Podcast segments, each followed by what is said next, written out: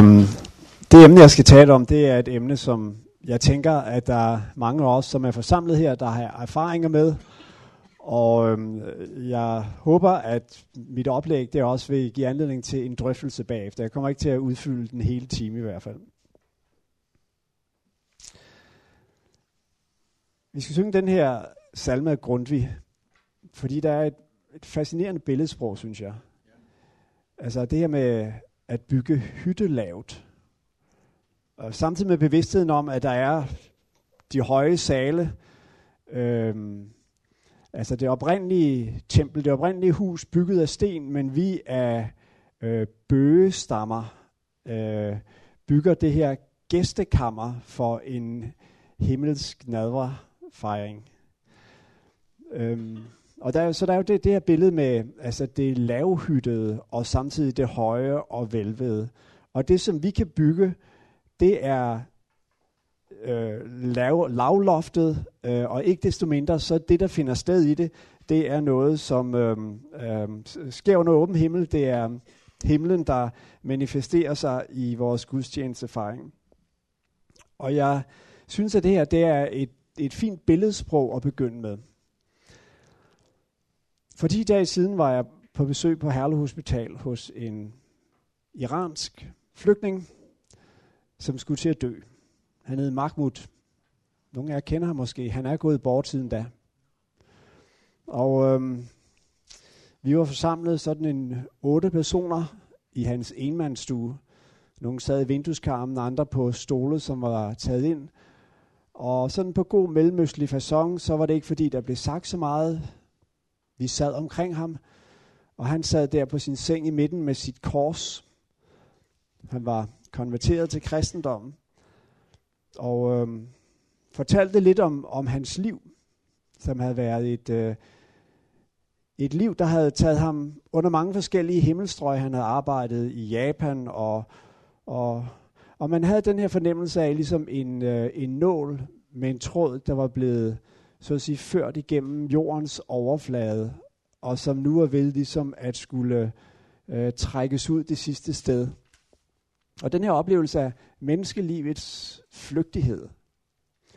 Så er det en af dem siger, øhm, øh, at han har et ord for Bibelen, han gerne vil dele, og en spørger, om vi ikke skal bede en bøn sammen. Og på den måde er der i det her lille værelse, i den her kolossale modernistiske bygning, som Herlev sygehus er, en gudstjenestefejring.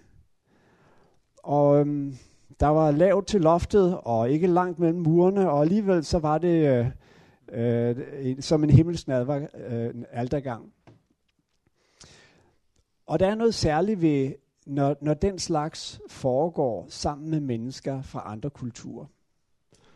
Det er, en, øh, det er en erfaring af, at der opstår en form for enhed, en, en samklang, som, øh, som rækker ud over det sproglige, og som er en, øh, en manifestation af noget af det, som vi er sat her for at være som kirke. Tak.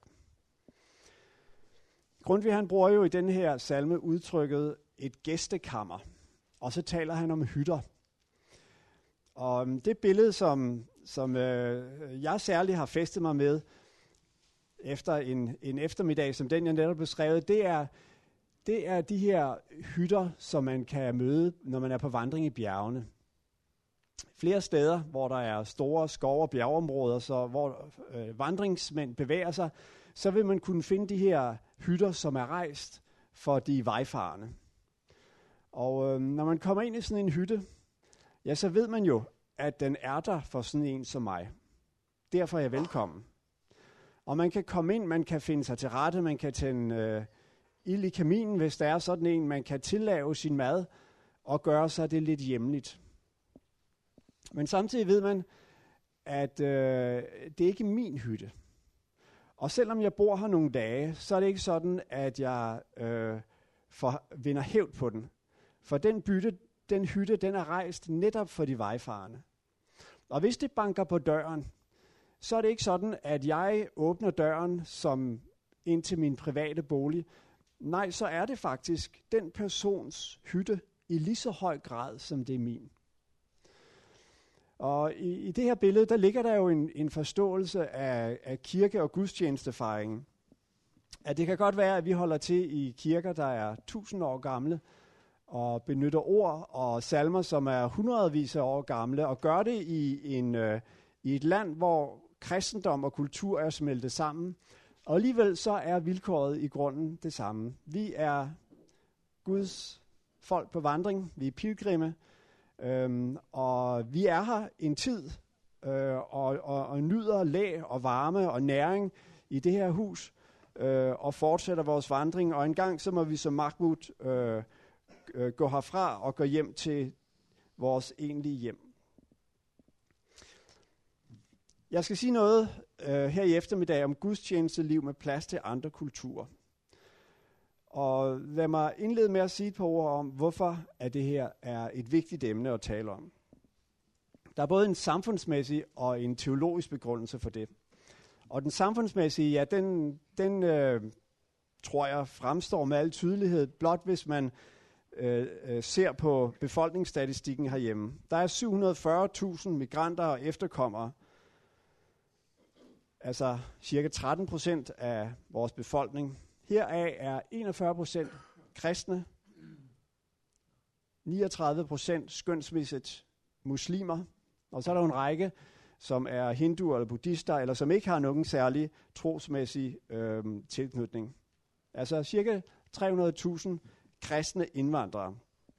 Så var der i Kristi Dagblad i dag en, øh, en, en meget interessant artikel, som byggede på nogle nye tal, som Dansk Statistik netop var kommet ud med, som handler om øh, fordelingen af ikke-vestlige migranter eller indvandrere og deres forhold til folkekirken, hvor det viser, at det kun var 2,9 procent af de ikke-vestlige indvandrere, øh, som var medlemmer af folkekirken. Og hvis man regner på deres efterkommere, var det kun 2,8 procent. Altså en, en, en meget lille andel af dem, som jo er den største flygtningegruppe øh, øh, øh, i vores land. Og så kan man selvfølgelig vælge at sige, Nå, jamen, betyder det så ikke, at, at kirkens opgave i forhold til den her gruppe, den først og fremmest er, hvad skal man sige, diakonal? Og det handler om at, at, at være med til at skabe væresteder, mødesteder og sprogcaféer osv. Og det tror jeg helt klart er en, en nærliggende og, og vigtig opgave. Jeg synes, det er meget glædeligt, øh, da der blev lavet en undersøgelse her for få måneder siden, der viser, at der i øjeblikket er 160 mødesteder, øh, sprogcaféer eller lignende, som er drevet af kirkelige kræfter i vores land. 160. Det gør jo øh, vores kirker til en, en meget større aktør på det område, end for eksempel øh, Dansk Flygtningehjælp og, og, og, og Røde Kors. Så det er helt klart, at der er en diakonal opgave, men den skal på en eller anden måde også knyttes til ved alderet. Sådan er det jo med diakonien, at den, øh, den, den må leve i kraft af sin tilknytning til alderet og i kraft af sin forbindelse til menighedslivet.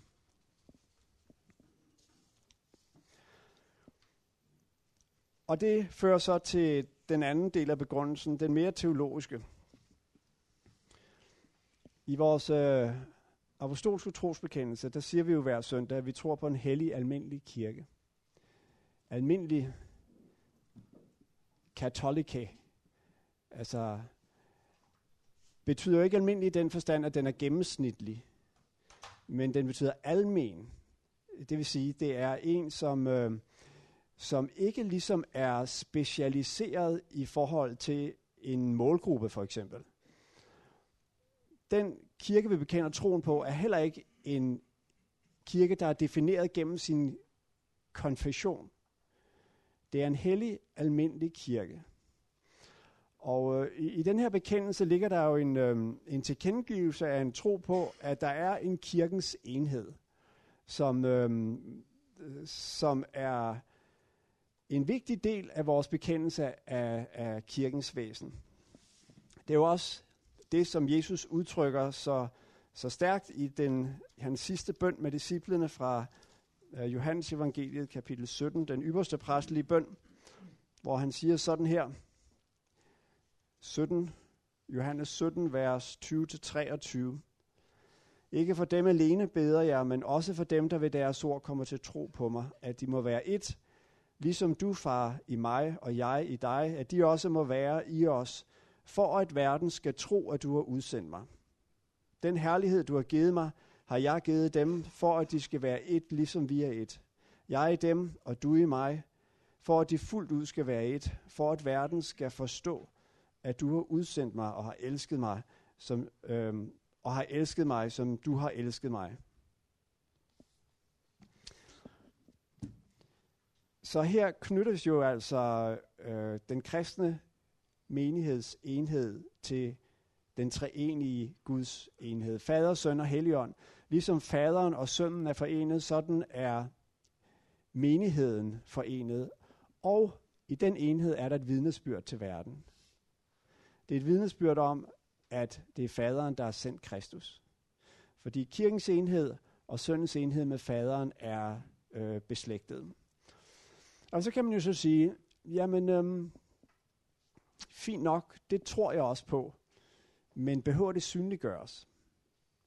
Er det ikke, er det ikke mere sådan en slags trosprincip af, af, på tværs af alle de forskellige denominationer og etniske grupper, som fejrer gudstjeneste rundt omkring, så er der en eller anden underliggende enhed. Og dertil vil jeg sige, øh, jo, det tror jeg er rigtigt, og det tror jeg er en, en, en vigtig at besinde sig på, men den her underliggende enhed har brug for et udtryk. Fordi hvis den ikke finder det udtryk, hvordan skal verden så kunne forstå, at der er noget andet på færre end i de øvrige fællesskaber, som findes i samfundet? Den har brug for at blive synlig. Også selvom den aldrig udtømmende kan blive øh, defineret og, og, og, og afgrænset. Verden skal kunne se søskendeskabet. Og netop derfor er det så vigtigt, at vi, øh, vi arbejder på i vores gudstjenesteliv, i de områder af landet, hvor det i hvert fald ligesom er, er aktuelt og påtrængende at øh, skabe rum for forskellige kulturer. Men den her opgave, den har også en udfordring. Og den udfordring, som helt åbenlyst knytter sig til det at øh, fejre gudstjeneste med åbenhed over for andre kulturer i vores, og nu taler jeg særligt om den folkekirkelige sammenhæng, det er jo, hvad skal man sige, den tradition, som kobler vores kirkelige udtryk og vores danske kultur sammen. Øhm, det er jo sådan, at vores liturgi, vores salmeskat, alt sammen er, er, er rundet af en, øh, en stedegen tilegnelse og tolkning af øh, de evangeliske budskaber. Øhm, og så kan man sige, så er der en, en nærliggende vej ud af den udfordring, der hedder, øhm, så må vi finde den største fællesnævner. Altså, så må vi kunne finde et, et udtryk, der er så, så enkelt, så simpelt, så tilgængeligt, at det ikke er særlig krævende at fylde med. Og, og, og jeg vil sige, jeg, jeg er ikke sikker på, at det er den vej, vi skal gå. Og lad mig prøve at give en begrundelse for det. For et par uger siden havde jeg en længere samtale med Sara Afshari. Sara, hun er iransk kristen, en af de forholdsvis tidlige konvertitter, øh, som har øh, været ude og ind af fængsler i Iran, som kommer til Kypern og bliver leder af SAT7 Pass. Hun har været direktør for, for den afdeling af SAT7 i 12 år. Der forlader hun SAT7, tager til Edinburgh og skriver øh, Ph.D. om iranske konverteringer. I de her måneder er hun i Danmark og arbejder som konsulent for det mellemkirkelige råd, det der hedder Folkekirkens asylsamarbejde med at, og, og, og, og hjælpe folkekirken til at øh, forstå den udfordring og opgave og gave, som vi står i med, med alle de iranere, som er blevet døbt og er blevet en del af folkekirken. Sara, hun har den her fortælling om kristendom i Iran. Hvordan kan det være, spørger hun, at den kristendom, som var så udbredt i Iran, ligesom med et fingerknips, med et slag, synes at forsvinde og fordampe, da islam kommer. Hvordan kunne det lade sig gøre? Og hendes svar er, at det har at gøre med det forhold, at kristendommen aldrig erobrede den persiske forestillingsevne. At der aldrig i den kristne kirke kom et udtryk i poesi, i poesi, i musik, i den billedende kunst, som fortolkede det kristne evangelium på en særegen persisk eller iransk måde, og som kunne måle sig med de gamle Zarathustra og hvad, hvad det ellers er, øh, de har fra, fra, fra gammel tid af, af kulturelle udtryk i deres øh, øh, kultur. Og efter at have givet den her diagnose af historien, så siger hun, vi oplever i dag en form for vækkelse blandt iranerne. Det er der ingen tvivl om. I Iran, i undergrundskirker, men også i Vesten, hvor det kommer hen og, og, og konverterer. Men hvis den her bevægelse skal blive andet end en krusning, der inden længe har lagt sig, og alting er blevet ved det gamle, så forudsætter det, at den, forstår, den formår at gå i forbindelse med den iranske folkesjæl. Og for at det skal ske, så må der altså være nogen, der er i stand til at formulere evangeliet på persisk. På en måde, der kommer på højde med nogle af de øh, poeter, som har været i den kultur igennem tiden.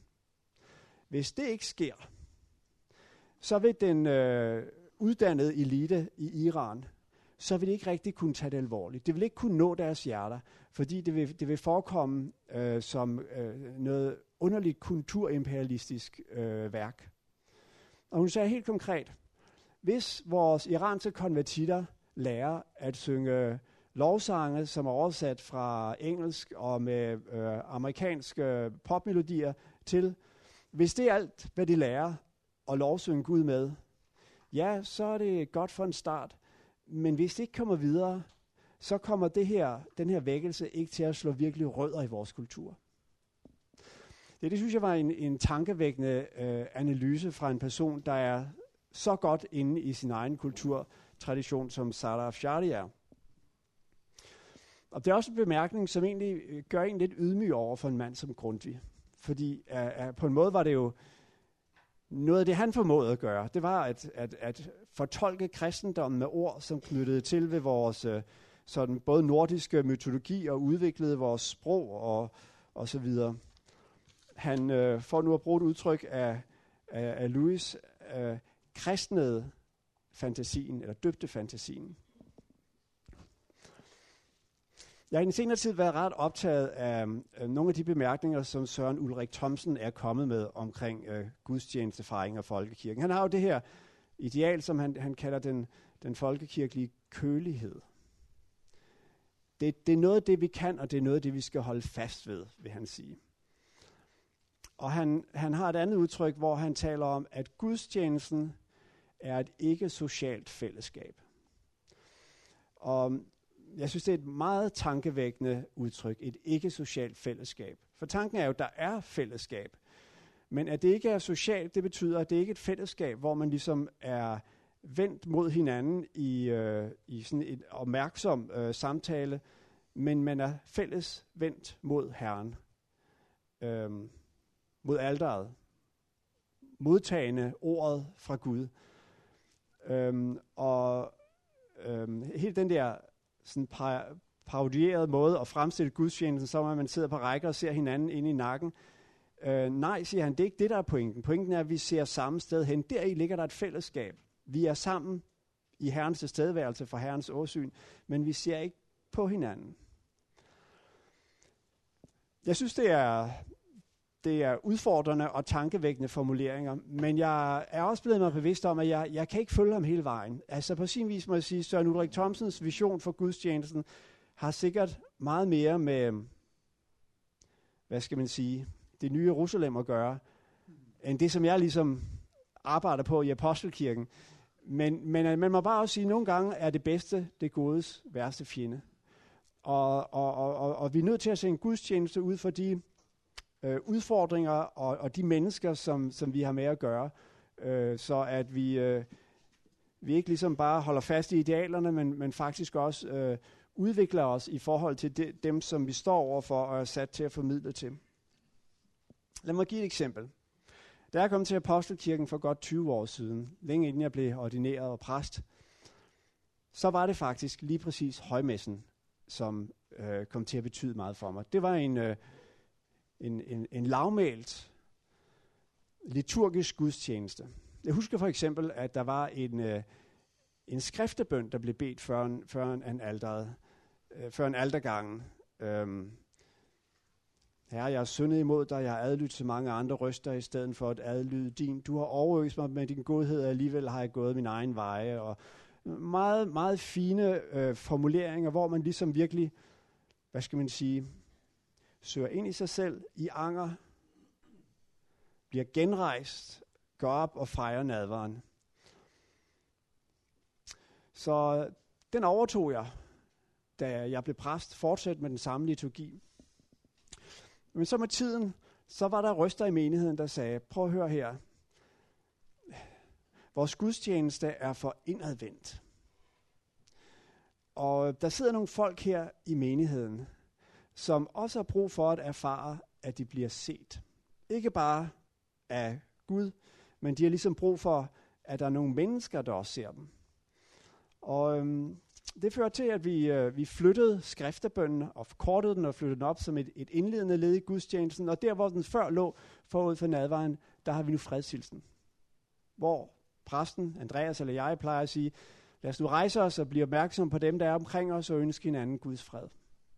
Og der er der så den her øh, øh, menneskelige kontakt, inden vi så går over til nadverfejringen. Og det er jo ikke... Øh, det er jo ikke bare for at åbne op for noget socialt, det er også ud fra tanken om, den bibelske tanke om, at, at, at, at, at søge forsoning, øh, inden man går op i, til, til nadverfejringen. Altså at, at øh, øh, tage, tage kontakt og søge forening med de mennesker, som er omkring en. Jeg tror, der er en fare i, i folkekirken for, at vi forbliver en monoetnisk kirke i takt med, at samfundet bliver mere og mere multietnisk. Og hvis det sker, så, øh, så har vi jo, så lad, lad, lad os være realistiske og sige det som det er, så er vi ved at udvikle os i retning af øh, de kastespecifikke kirker i Indien. Eller endnu værre, øh, de segregerede øh, kirker, der var i, øh, i, øh, i Sydafrika. Øh, det kan måske tage sig ret uskyldigt ud i øjeblikket, men altså, der er ingen tvivl om, at den her udvikling vil fortsætte, og hvis vi ikke ligesom på en måde får, får, får brudt koden, så vil vi være stikket i vores vidnesbyrd om den forsonende magt, der ligger i øh, gudstjenestefællesskabet og i, i kristentroen i det hele taget. Så øhm, vi kan ikke være tilfreds med, at der er menigheder, der lever øh, i parallelle verdener. Vi, vi har brug for en eller anden form for øh, manifestation af, at der også er øh, en enhed. Jeg fik ikke fortalt før, men lad mig lige nævne det nu, at øhm, øh, migrantmenigheder er jo en meget øh, væsentlig del af, af kirkelivet i, i, i Danmark i dag. Der blev lavet en undersøgelse i København for snart en del år siden, der viste, at mellem en tredjedel og halvdelen af alle kirkegængere på en given søndag går til migrantmenigheder eller internationale menigheder. Meget markante tal. Og de fleste af de her migrantmenigheder, de, de lever jo, hvad skal man sige, i, i siloer. Øhm, nogle af dem holder til i folkekirker, men øh, det er, og, og nogle steder arbejder man også på indimellem og, og mødes i en gudstjenestefejring, men det er ikke altid, det lykkes, og mange steder så er, er, er tingene fuldstændig øh, adskilte. Jeg tror også, man må se i øjnene, at det, udfordringen vender begge veje. Der er rigtig mange afrikanske migrantmenigheder i København for eksempel. Der har den her store vision om, at europæerne bragte evangeliet til Afrika. Nu bringer vi det tilbage til Europa. Men resultatet af deres strategier, det er ikke desto mindre, at de er øh, isoleret. De har deres gudstjenestefællesskaber, som kun henvender sig til deres eget segment, og de kommer overhovedet ikke i kontakt med den brede danske befolkning. Øhm. Omvendt havde vi en oplevelse her for nylig med den eritreanske menighed. Der var jo som bekendt en stor bølge eritreaner her i 2015, som kommer til som asylansøgere fik opholdstilladelse næsten alle sammen. De fleste af dem var kristne. Mange af dem mødes nu i Mariakirken på Vesterbro. Så snakkede vi med øh, menighedsrådet om, hvordan de øh, finder sig til rette, og, og han sagde, jamen vi råder vores folk til, når de kommer til Danmark og, og, og får opholdstilladelse, så skal registreres en kommune, så sige, vi ønsker at blive medlem af Folkekirken. Altså, og det er ud fra sådan en nationalkirkeforståelse.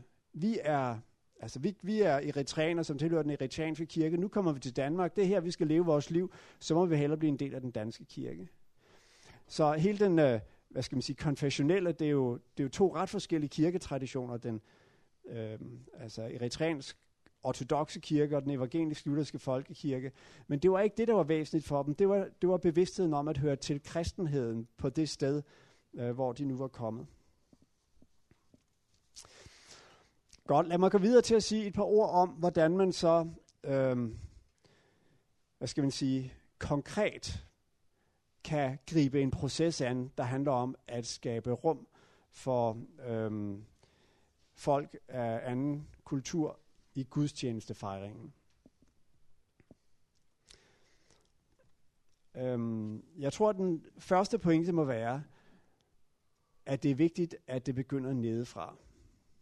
Det er ikke altid hensigtsmæssigt, at man ved et menighedsrådsmøde beslutter sig for, at nu skal vi skabe plads for øh, folk af anden etnisk herkomst, men, og, og, og sætter en masse øh, ting i søen, men øh, der vil meget ofte være enkelte kontakter. Knyt til ved dem, og lyt til dem og til deres behov, og lad, lad det vokse derudaf. Øh, for at man ligesom sikrer sig, at, øh, at målgruppen ligesom er inddraget og, og rent faktisk øh, føler sig set og mødt i det, som øh, man laver. En af de udfordringer, som man så meget ofte vil møde fra starten, det er hele spørgsmålet om sprog. Hvordan skal man finde et gudstjenesteudtryk, som tilgodeser folk, som ikke har dansk som modersmål?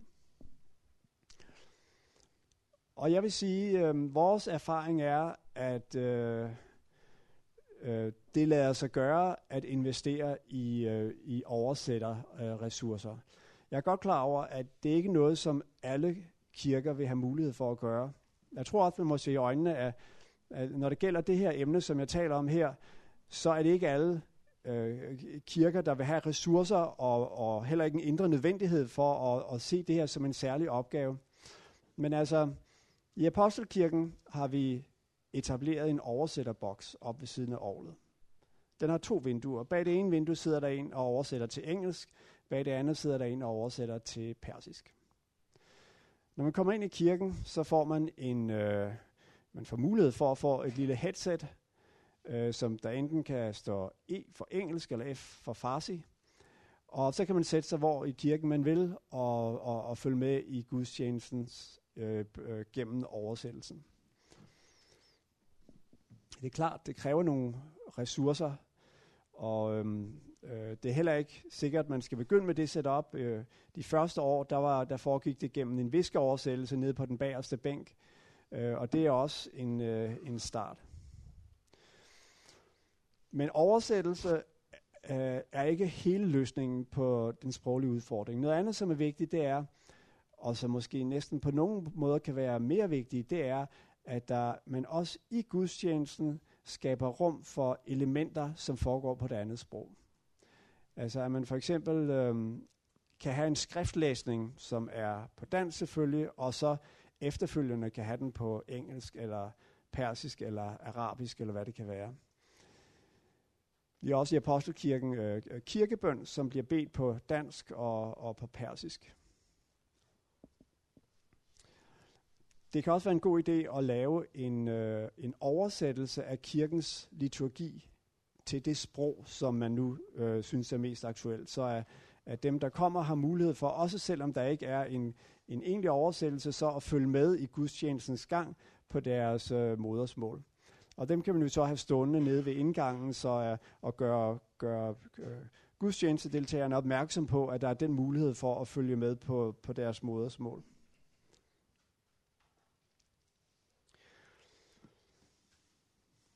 En anden ting, som jeg tror er meget vigtig, det er inddragelse. Og inddragelse, øh, som indebærer synliggørelse. Altså, øhm, hos os har vi øh, fået en erfaring af, at øh, jo, jo flere, hvad skal man sige, øh, opgaver, som har en eller anden synlig karakter, man kan lægge over til øh, vores migranter, jo, jo, jo bedre fungerer det egentlig. Så øh, vi har en til at stå og tage imod folk, når de kommer ind og give en salmebog, som er migrant.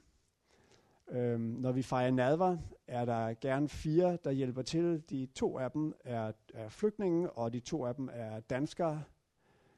Når vi har kirkebøn, er der en dansker og en øh, øh, iraner, afghaner, som læser. Når der er skriftlæsning, er der også en, to meget andre sprog, som medvirker. Øh, og efter gudstjenesten har vi gerne øh, frokost, og det er også gerne en flygtning, som står for det. Det, som er kendetegnende ved de her funktioner, som jeg netop har opremset, det er jo, at det er værtsfunktioner. Altså når man giver en salmebog, så er det ligesom, man på en måde byder velkommen.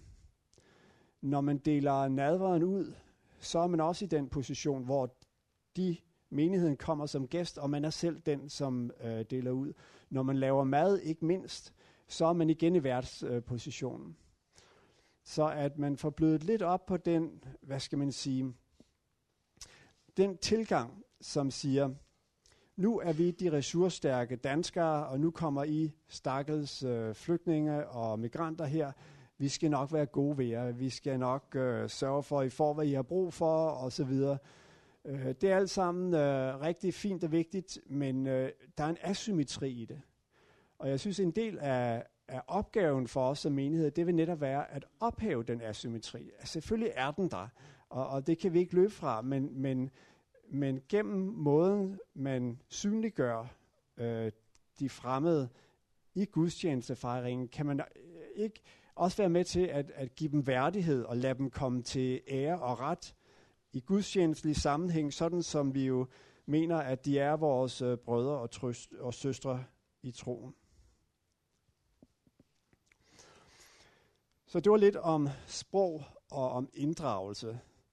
Det, som øhm, er den store udfordring, som jeg ser det i øjeblikket, hos os i hvert fald, og jeg fornemmer også flere andre steder i landet, det er øh, det, som har at gøre med ledelse øh, og indflydelse. Den øh, ledelsesstruktur, der er i, i dansk sammenhæng, den er jo hvad skal man sige, den er rundet af foreningstraditionen og vil forekomme øh, ret fremmed for mange af vores øh, migranter. Og vi har faktisk ikke haft særlig stort held med at inddrage dem i vores øh, udvalg og råd osv. Så, videre. så øh, ind, men derfor kan indflydelse ske af andre veje. Det kræver først og fremmest en form for øh, lydhørhed i samtalen, hvor man er med til at opfatte øh, og opfange, hvad der bliver givet udtryk for af, af behov og ønsker. Og øhm, øh, på den måde kan de også få indflydelse, selvom de ikke, ikke formelt sidder med der, hvor der træffes beslutninger. Men altså på sigt ser jeg det som en af de store udfordringer herhjemme faktisk at udvikle øh, en, en, en, en, en pastoral betjening af nogle af de etniske grupper. Og jeg tror også, at øh, det er en af de ting, som øh, det mellemkirkelige råd prioriterer. Det mellemkirkelige råd har jo i de seneste år haft det, der hedder Folkekirkens asylsamarbejde. Jeg sidder som formand for arbejdsgruppen der.